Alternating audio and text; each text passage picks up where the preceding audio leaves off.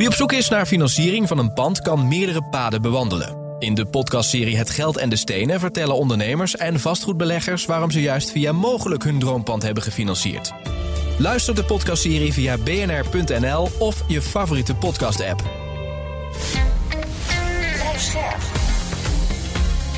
BNR Nieuwsradio. Vastgoed gezocht. Maarten Bouwhuis. Woningcorporaties, verzekeraars en energiebedrijven hoeven de deur niet meer uit voor het inspecteren van hun vastgoed. Dat kan namelijk tegenwoordig gewoon met artificial intelligence. De vraag van deze week: hoe krijgt onze gast dat voor elkaar? Dit is BNR Vastgoed Gezocht, jouw wekelijkse update over de wereld van de stenen. Je hoort ons natuurlijk elke maandagavond op BNR en altijd online via de app of gewoon bnr.nl. Maarten de Gruiter is uh, afwezig, maar zijn collega Joël Lokhorst is bij mij. Van harte welkom, Joël. Dankjewel, leuk dat ik erbij mag zijn. Ja, we beginnen deze week met uh, uh, de cijfers. Een bericht wat jou opviel, de cijfers, de NVM-cijfers. De conclusie, de huizenmarkt is heel snel aan het afkoelen. Jij hebt die cijfers eventjes op een rijtje gezet. Wat valt op?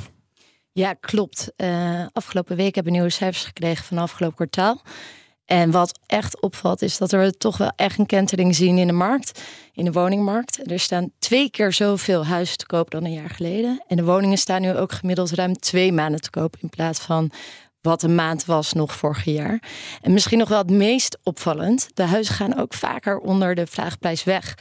In het vierde kwartaal werd nog 45 procent nou ja, boven de vraagprijs uh, nog maar verkocht. Ik nog veel eigenlijk. Ja, ja. Eigenlijk wel. Um, uh, maar toch zie je eigenlijk uh, de afgelopen negen jaar dat het nu voor het eerst is dat op jaarbasis toch die prijzen naar beneden gaan. Ja. En wel met 6,4% minder uh, dan een jaar geleden. Ik las nog ergens dat in het gooien de prijzen het hardst zijn gedaald. Maar dat komt natuurlijk Ja. omdat de huizen gemiddeld heel duur zijn. Ja, en de betaalbaarheid, ja, die staat nog steeds onder druk. Precies, want wat is de belangrijkste reden van de daling? Nou, de- natuurlijk, eh, hetgeen wat we nu om ons heen zien, gestegen rente, hogere woonlasten, door die stijgende energieprijzen en natuurlijk minder vertrouwen in de economie en alles wat we natuurlijk hebben meegemaakt afgelopen jaar. Ja. ja, het interessante is, kijk, als een huis 4 ton kost en je moet hem nu financieren ten opzichte van een jaar geleden, dan heb je een absoluut verschil van een aantal honderden of misschien 500 of 600 euro. Maar als een huis een miljoen kost, dan is het gewoon niet meer te financieren. Omdat Nee. je 4% rente moet betalen. Ja, dat is het. En dat is daarom ook, je zou kunnen zeggen, nou supergoed dat die prijzen weer een beetje afkoelen. Mhm. Dat eh, mensen weer wat mogelijkheden kijken, krijgen om Ja. rond te kijken. Je kunt ook zeggen, het is echt een gezonde correctie voor de woningmarkt. In die zin kan je dat zeggen. Maar aan de andere kant, de starter komt nog steeds niet aan een woning. Omdat die betaalbaarheid gewoon eh, heel erg onder druk staat. Ja, die is eigenlijk niet beter geworden met die hoge rente natuurlijk. Nee, die is eigenlijk slechter geworden. Ja. En er komen ook niet heel veel woningen bij. Dus daarin eh, is het ook niet dat, eh, dat de verwachting is dat die prijzen zo erg gaan dalen. Dat die betaalbaarheid ook beter Ja, wordt. wat over woningen erbij. Dat is ook wat de NVM zei bij de presentatie van de cijfers. Ze maken zich grote zorgen over de stokkende verkoop van nieuwbouwwoningen.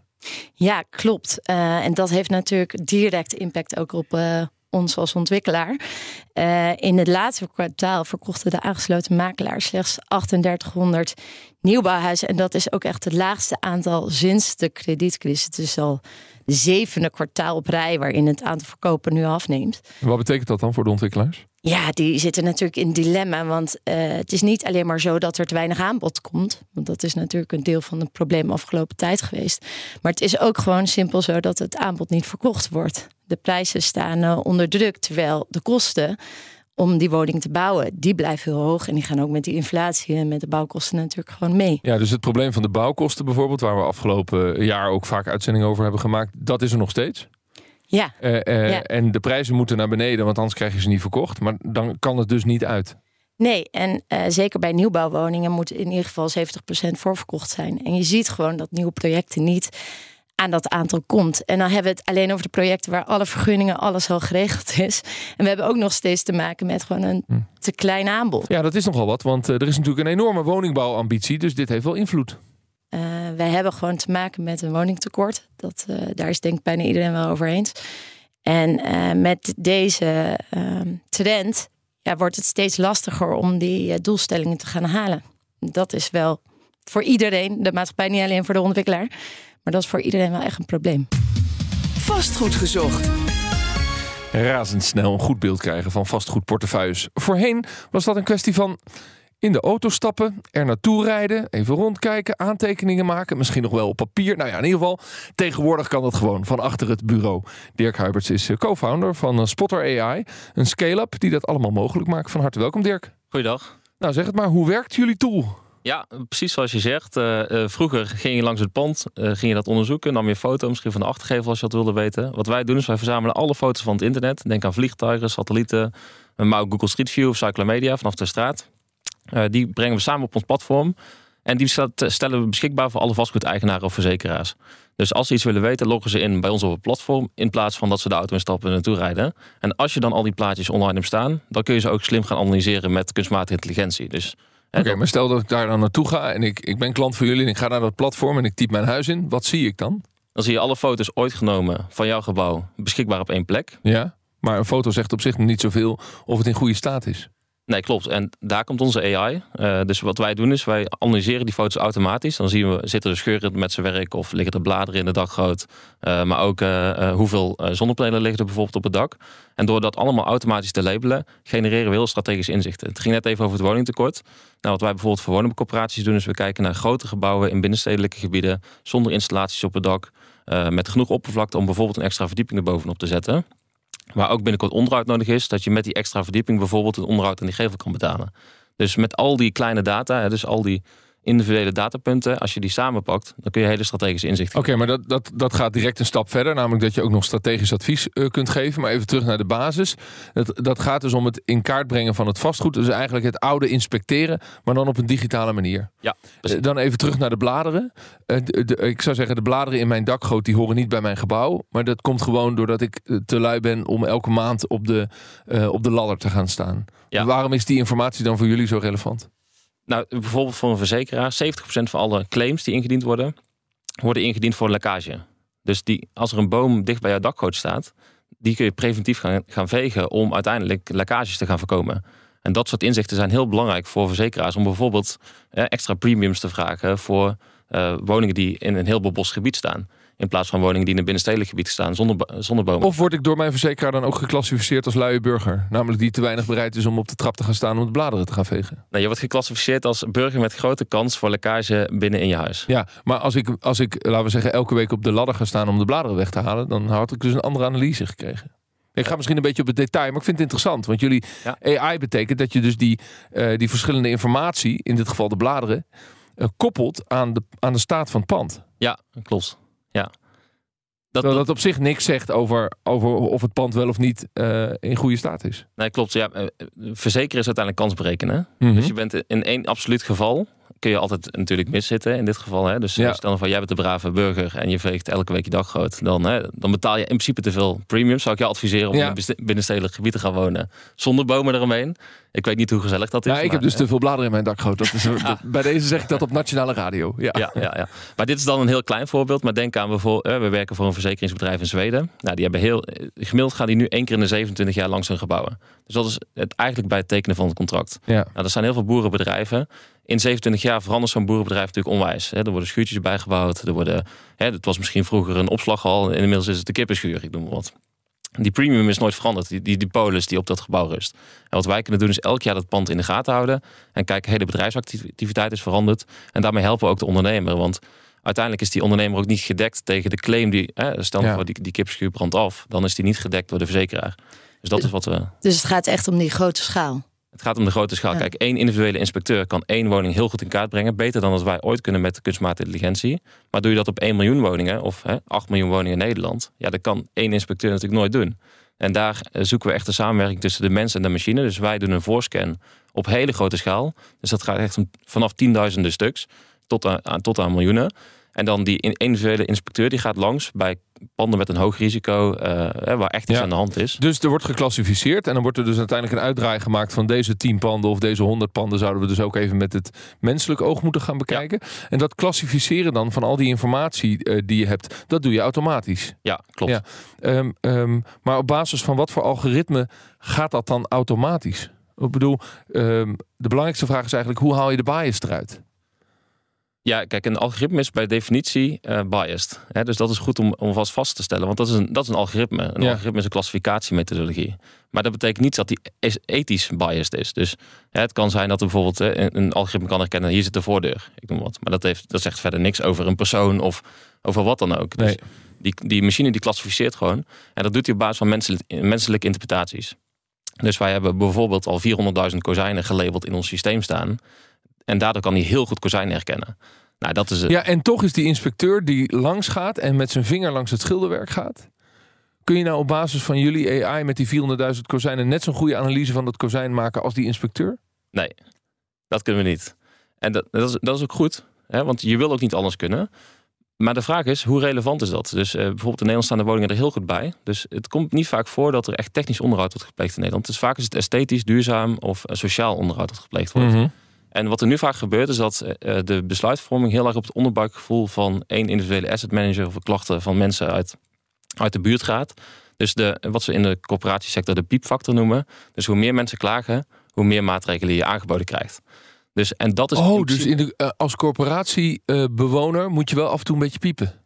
Dan moet je, eh, moet je blijven klagen over de staat van je badkamer en het schilderwerk. Als je iets gedaan wil krijgen, zou dat mijn advies zijn. Uh, of je moet in de media komen. Hè? Dus dat zijn, de twee, uh, dat zijn de twee echte drijfveren. Naast de regelgeving van de overheid natuurlijk. En zo wordt er ook gedacht binnen de corporaties. Van, van we hebben een piepfactor. Als veel mensen klagen over de staat van hun badkamer, dan pas gaan we de badkamers doen. Nou, zo wordt niet per se gedacht. Of, mensen zouden het anders graag willen. Ja. Dus dit is het, hoe het systeem vandaag is ingericht. Maar mensen zouden natuurlijk heel graag naar preventief onderhoud of echt sociaal onderhoud gaan. Mm -hmm. Niet per se de mensen met de meeste klachten. Hè, bijvoorbeeld, je hebt een slechte keuken. De keukens worden bijna alleen maar vervangen op het moment dat mensen gaan klagen. Ja. En uh, je zou eigenlijk, dus de mensen die niet eh, klagen en wel netjes voor een keuken zorgen, ook één keer in de 20 jaar een nieuwe keuken willen geven. Maar op dit moment. Met minimaal 20 jaar. Ja, goed, oké. Ja, in principe eens in de tien jaar. Maar ja. uh, dat, uh, dat is niet hoe het op dit moment gebeurt. En daar nee. kan AI heel erg mee helpen. Dus juist om eerlijkere besluiten te mogelijk te maken voor iedereen. Maar zijn jullie dan ook aan de binnenkant betrokken? Ja. Oké. Okay. Ik dacht alleen ja, dat vroeg ik me dus ook af. En, en uh, de vervolgvraag is dan hoe dan? Want die data, je had het over vliegtuigen, satellieten en uh, ja, hoe komen je, die, binnen? Die drones die vliegen niet uh, door mijn huis heen. Nee, gelukkig niet. maar de gemiddeld zo'n 10% van alle huizen wisselt per jaar van eigenaar. Op dat moment komt er iemand. Zoveel? Ja, ja, ja. verschilt een beetje per regio en per land. Hè. Per dus, type huis, ja. Per type huis ook, ja. ja. In, inmiddels blijven mensen langer zitten hoor. Dus omdat ze dat woningtekort er is en dat mensen vaak een mooie woning hebben. Uh, wat op zichzelf ook weer een probleem is. Maar goed, er is een bepaald percentage wat wisselt van eigenaar. Ja, precies. En op dat moment uh, komt er een aannemer in die woning en die gaat bijvoorbeeld renovatiewerkzaamheden doen, omdat er misschien wel schimmel in de badkamer zit of die keuken die is aan, aan vervanging toe. En die doet zijn werkzaamheden en op het moment dat hij hem oplevert, gaat er twee mensen die woning in. Dat is de aannemer en de woningcorporatie of de vastgoedeigenaar. En die corporatie die gaat zeggen, nou hier zit een, uh, hier moet schilderwerk nog wat beter verbeterd worden, daar zit nog wat schimmel uh, wat we eigenlijk niet hadden verwacht. En die opleverpunten worden doorgenomen. Die aannemer die gaat die, die opleverpunten verbeteren en vervolgens gaan ze weer met z'n tweeën langs. En wat wij nu doen, is die aannemer geven een apparaat. Die scant de, de, het hele interieur van die woning. Dat wordt digitaal geüpload. Die corporatie kan vanaf afstand de opleverpunten doorgeven. En die aannemer kan ze verbeteren. En ja. zo bespaar je twee ritjes. Ik begrijp het, maar dit geldt dan dus voor corporatiewoningen. Meer dan 60% van de woningen in Nederland is particulier bezit. Ja. Die particulieren die een aannemertje inhuren, die gaan niet met jullie samenwerken. Die gaan niet die data naar jou toesturen. Nee, dus we beginnen echt aan, voor grootschalige vastgoedeigenaren. In en de dat zijn jullie primaire klanten? Dat zijn onze primaire klanten, ja. precies. Dat doe je in Nederland, uh, uh, maar dat doe je ook in het buitenland. Ja. Uh, je, je vertelde ons dat je ook voor CBRE werkt. Wat doe je dan voor hun? nou, dat gaat met name over het taxeren van panden. Ja, dat is, dit is een beetje een technisch verhaal. Maar als banken onderling hypothekenportefeuilles verkopen, ja. dan moet dat heel snel gebeuren. Dus dat moet binnen een week moet, van de ene bank wordt verkocht. Want als de rentepercentages wijzigen, wijzigt ook die deal die uiteindelijk uh, gemaakt wordt. Mm -hmm. We hadden de eerste uitzending van het jaar Dick Boer hier te gast van Van Landschot Kempen. Die, die begeleidt dit soort transacties. Ja, nou, ja. die zouden wij kunnen helpen bijvoorbeeld. Hè. Eh, stel nou voor, we doen een project in Ierland. Daar hebben huizen niet eens een huisnummer. Die hebben gewoon nog een naam. Dus dat is het Witte Huis in Dumfries bijvoorbeeld. En de postbode weet waar dat ligt. Uh, nou, dan is het heel moeilijk om data te verkrijgen van die panden. En de, heel moeilijk voor de ene bank die een hypotheekportefeuille overneemt van een andere bank. Om te weten wat de kwaliteit is die die inkoopt. En dat soort transacties kunnen wij natuurlijk heel goed begeleiden. Wij scannen al die panden binnen no time, geven die informatie in het due diligence traject, in het controletraject van de, van de bank aan die, eh, aan die partij. En zo kunnen zij controleren of het vastgoed wat ze inkopen ook daadwerkelijk is wat ze op papier krijgen. Ja, en in zo'n snelle banktransactie kun je natuurlijk nooit, uh, laten we zeggen, menselijk al die inspecties doen. Nee, dat is totaal onmogelijk. Dus je krijgt het gemiddelde. Dat is wel interessant, wel. Ja, zeker. Dat is heel interessant. Is het voor jullie als ontwikkelaar een, een tool waar je iets mee zou kunnen? Ik denk dat het daar niet uh, geschikt voor is. Natuurlijk wel elementen uh, van de tool uh, die gebruikt wordt. Maar aan zich hebben wij zo erg gericht maatwerkprojecten. Dus echt complexe binnenstedelijke ontwikkelingen. En daar is dat niet heel veel van toepassing. Al zie je wel steeds meer natuurlijk innovaties in de zin van tijdens de bouw. Dat de kwaliteit veel meer ook via drones of, uh, of camera's in de gaten wordt gehouden en toezicht wordt gehouden. Ja, dus, dus dat soort elementen zie je wel terug. Hetzelfde soort innovatie in het vastgoed. Eh, maar het is niet gericht op individuele projecten dus? Nee, het is eigenlijk te, de schaal is te klein. Hè? Dus eh, als het één project, eigenlijk tot 5000 objecten, dat is te klein. Want dan kan een mens dat gewoon veel beter dan een machine. Dus daar moet je ook realistisch in zijn. Wat kan, wat kan AI goed? Dat is heel snel op hele grote schaal gebouwen analyseren, maar niet met 100% zekerheid. Dat gaat tot 90% maximaal. Dus als het dan een hele dure transactie is op één individueel object, ja, dan zou ik dat gewoon lekker met de hand doen. Uh, daar moeten wij niet tussen zitten. Ja, dan heel eventjes nog naar het businessmodel. Uh, hoe rekenen jouw klanten met jou af dan? Uh, per pandje? Precies, ja. Dus zo werkt vastgoed, hè? Of per vierkante meter of per pand. Dus, wij, dus als, die, als, die, als die, die verkopende of kopende bank 100.000 ehm, panden wil laten scannen, ja. dan is er gewoon een sommetje per pand. Precies, ja. ja. Lekker schaalbaar. En, en, daar, kun je, daar kun je qua benzine bijna niet eens voor langs rijden. Nee, het is een, oh, qua prijs. Dus jullie zijn goedkoop, maar het gaat om de, om de grote getallen en de schaalbaarheid. Ja, ja, 100% zeker dat we goedkoper zijn. Uh, het automatisch inspecteren van panden, daarover gaat het dus in deze aflevering van BNR Vastgoed Gezocht, zoals je hoort. Spotter AI is uh, typisch een voorbeeld van een nieuwkomer in de sector die kunstmatige intelligentie inzet. En daar zijn er meer van, ontdekte ook mijn collega John van Schagen. Het internet zoals we dat eind jaren 90 nog hadden. Heel basic dus. Nou, zo moet je eigenlijk ook naar de stand van zaken rondom artificial intelligence kijken. Het zit allemaal nog in de prille fase, maar er komen steeds meer concrete voorbeelden. Ook in deze sector. Er wordt steeds meer toegepast in, eh, in vastgoedland. Zegt Wouter Truffino van Holland Comtech en PropTech. En op ons verzoek maakte hij een lijstje met AI-vastgoed-startups waarvan we mogelijk nog veel gaan horen. Te beginnen met OMRT. Zij centraliseren vastgoedkennis in een intelligente tool. Door hun technologie kunnen ze het proces van vastgoedontwikkeling eh, transformeren van een lineair naar een interactief en integraal uh, ontwerp. En dat resulteert uiteindelijk dus in een haalbaar ontwerp voor je woningbouwplan, waarbij energiescores met 25% kunnen verbeteren, materiaalkosten met 20% kunnen verlagen en uiteindelijk vierkante meter ruimtegebruik kunnen optimaliseren. De volgende start-up luistert naar de naam Maxtrian Group. Zij zijn actief in de taxatiemarkt. En zij hebben een model dat eigenlijk gebruik maakt van machine learning en ook deep learning. En dat doen ze door verschillende databronnen uh, in een model te laten samenkomen. Dus bijvoorbeeld energielabel, locatie, uh, woningbouwoppervlakte.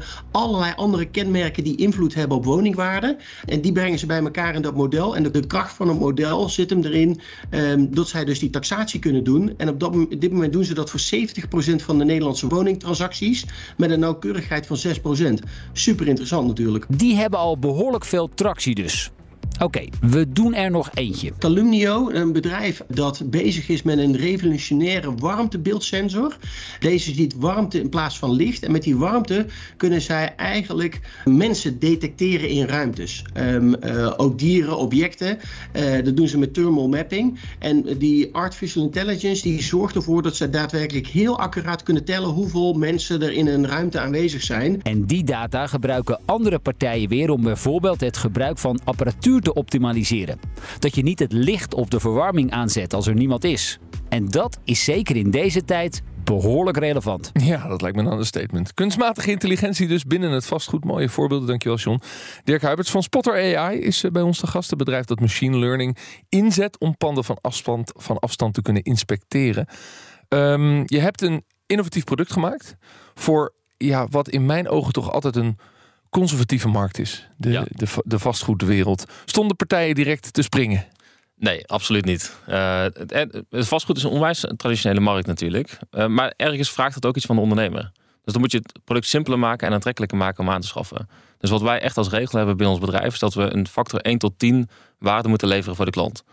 En en die, die waarde moet duidelijk kwantificeerbaar zijn. Dus bijvoorbeeld een locatiebezoek kost 250 euro om je autootje in te stappen. En dus dan mogen wij maximaal 25 euro vragen voor dat ene locatiebezoek. Dat is die factor 1 tot 10. Dus je wilt tien keer zo goedkoop zijn als de traditionele methode. Precies. En alleen dan uh, kun je zo'n traditionele markt doorbreken. Want dan heb je een, een, product dat ook verleidelijk genoeg is voor iedereen om aan te schaffen. Want dat is geen discussie. Maar als het, als het, laten we zeggen, factor 1 tot 2 was en je kijkt er als ondernemer naar dan is het nog steeds een supergoed idee. Want dan kan ik gewoon 50% kosten besparen. Maar dat is niet voldoende. Dat is geen no-brainer. Dus dan, hè, als je echt traditioneel bent, en dan zelfs die 1 tot 2, dan ga je nog ontkennen van misschien is de kwaliteit niet goed genoeg. Of hè, factor 1 tot 10, dan ga je het sowieso uitproberen. Zelf factor 1 tot 7 is, ja, het is een beetje... Ja, ik, ik, zet hem wat radicaal in. Ja, maar, dat is hoe jullie denken dat als, als start-up ondernemers. Ja, ja 100%. Ja. ja. Jij herkent natuurlijk die conservatieve vastgoedmarkt, Joelle, daar hoor je zelf niet bij, hè, maar de, de, de wereld die je beschouwt. Uh, is dat zo moeilijk voor jullie als, als, als vastgoedmensen om, om nieuwe technologieën te omarmen? Nou, ik ben daar uh, positief in. Uh, wat Wouter Trevino ook al aangaf, een aantal uh, mooie nieuwe initiatieven. En ook waar wij zelf uh, mee bezig zijn vanuit Boele Schuiter met allerlei nieuwe innovatieve ideeën, zowel in de bouw als in de voorbereiding, als in het ontwerp. Maar ja, ik, tegelijkertijd zitten we natuurlijk wel in een conservatieve markt. En dat komt voornamelijk omdat het natuurlijk trage processen zijn. Dus het duurt best wel lang. Gewoon vele jaren voordat je tot ontwikkeling bijvoorbeeld komt. Er zijn heel veel belangen en stakeholders. Uh, dus zowel vanuit de buitenlandse investeerder als politiek uh, die zich tegenaan bemoeit. Dus heel veel uh, beslissingen die ook van buitenaf genomen moeten gaan worden. Ja, en dat maakt het lastig om, om sneller te bewegen. En dan blijf ja. je een beetje bij hoe je het altijd deed. Want dan heb je een soort zekerheid over wat je dan krijgt. Ja, en er is heel veel geld natuurlijk betrokken. En ook automatisch risico's die daarmee gepaard gaan. dus die... het is een beetje risicoavers. Uh, ja, dan moet ik ook wel zeggen dat het een groot verschil is tussen hardware en software. Dus wij zijn relatief makkelijk in te kopen, omdat het vanaf kleine bedragen kan beginnen. Je kunt even experimenteren en kijken of het werkt. Maar ja, zet jij een nieuw type zonnepaneel op het dak en dat werkt uiteindelijk niet. Ja, dan, dan ja. moet je die weer afhalen en ja, nieuwe platen. Precies, maar wat dan, wat dan werkt om toch die markt in te komen, is een launching customer, zoals dat zo mooi heet. Precies. Bij, uh, bij de businessmodellenwereld. Oftewel startende, startende klanten. Hoe heb je dat gedaan? Uh, ja, dat is een goede vraag. Uh, er zijn heel veel conferenties in Nederland. Nou, een Wouter Trevino werd net genoemd. Hè, dus dat soort verbindende factoren zijn heel belangrijk. Dan sta je vervolgens op een podium, deel je je verhaal. En dan zit er meestal wel iemand in de zaal die zijn vinger opsteekt en zegt... nou, dit vind ik leuk, dit gaan we gewoon uitproberen. Ja. En vanuit die ene launching customer kan, eh, verspreidt het. Als en wie, wie was jouw launching customer? Uh, kleurrijk wonen in Tiel. Een woningcorporatie. Uh, middengrote woningcorporatie, 15.000 eenheden met een enthousiaste, innovatieve bestuurder. Die zegt van nou, we gaan het gewoon proberen. Ja, daar ben je dus afhankelijk van, hè? dat individu wat het ziet zitten. Ja, en, en zo, zo klein moeten beginnen. Dat is echt onwijs belangrijk dat je dat, je dat soort innovators ja. in de markt hebt zitten. En ik denk ook wel dat uh, de crisissen waar we in zitten, waar we in het begin over hadden dat dat ook wel een katalysator kan zijn voor, voor nieuwe ideeën en nieuwe innovaties. We hebben ze ook wel echt nodig momenteel. Ja, precies. Nou, die innovaties zijn er. Dankjewel Dirk Huiberts van Spotter AI voor jouw verhaal. Succes met het verder laten groeien van het, uh, van het bedrijf. Uh, Joelle, dankjewel. Fijn dat, je, fijn dat je er was. Uh, dit was BNR Vastgoed Gezocht. Bedankt voor het luisteren. Uiteraard zijn we er volgende week weer. En tot die tijd zou ik zeggen succes met ondernemen. Vastgoed Gezocht wordt gesponsord door Mogelijk. Mogelijk. Vastgoedfinanciering voor ondernemend Nederland.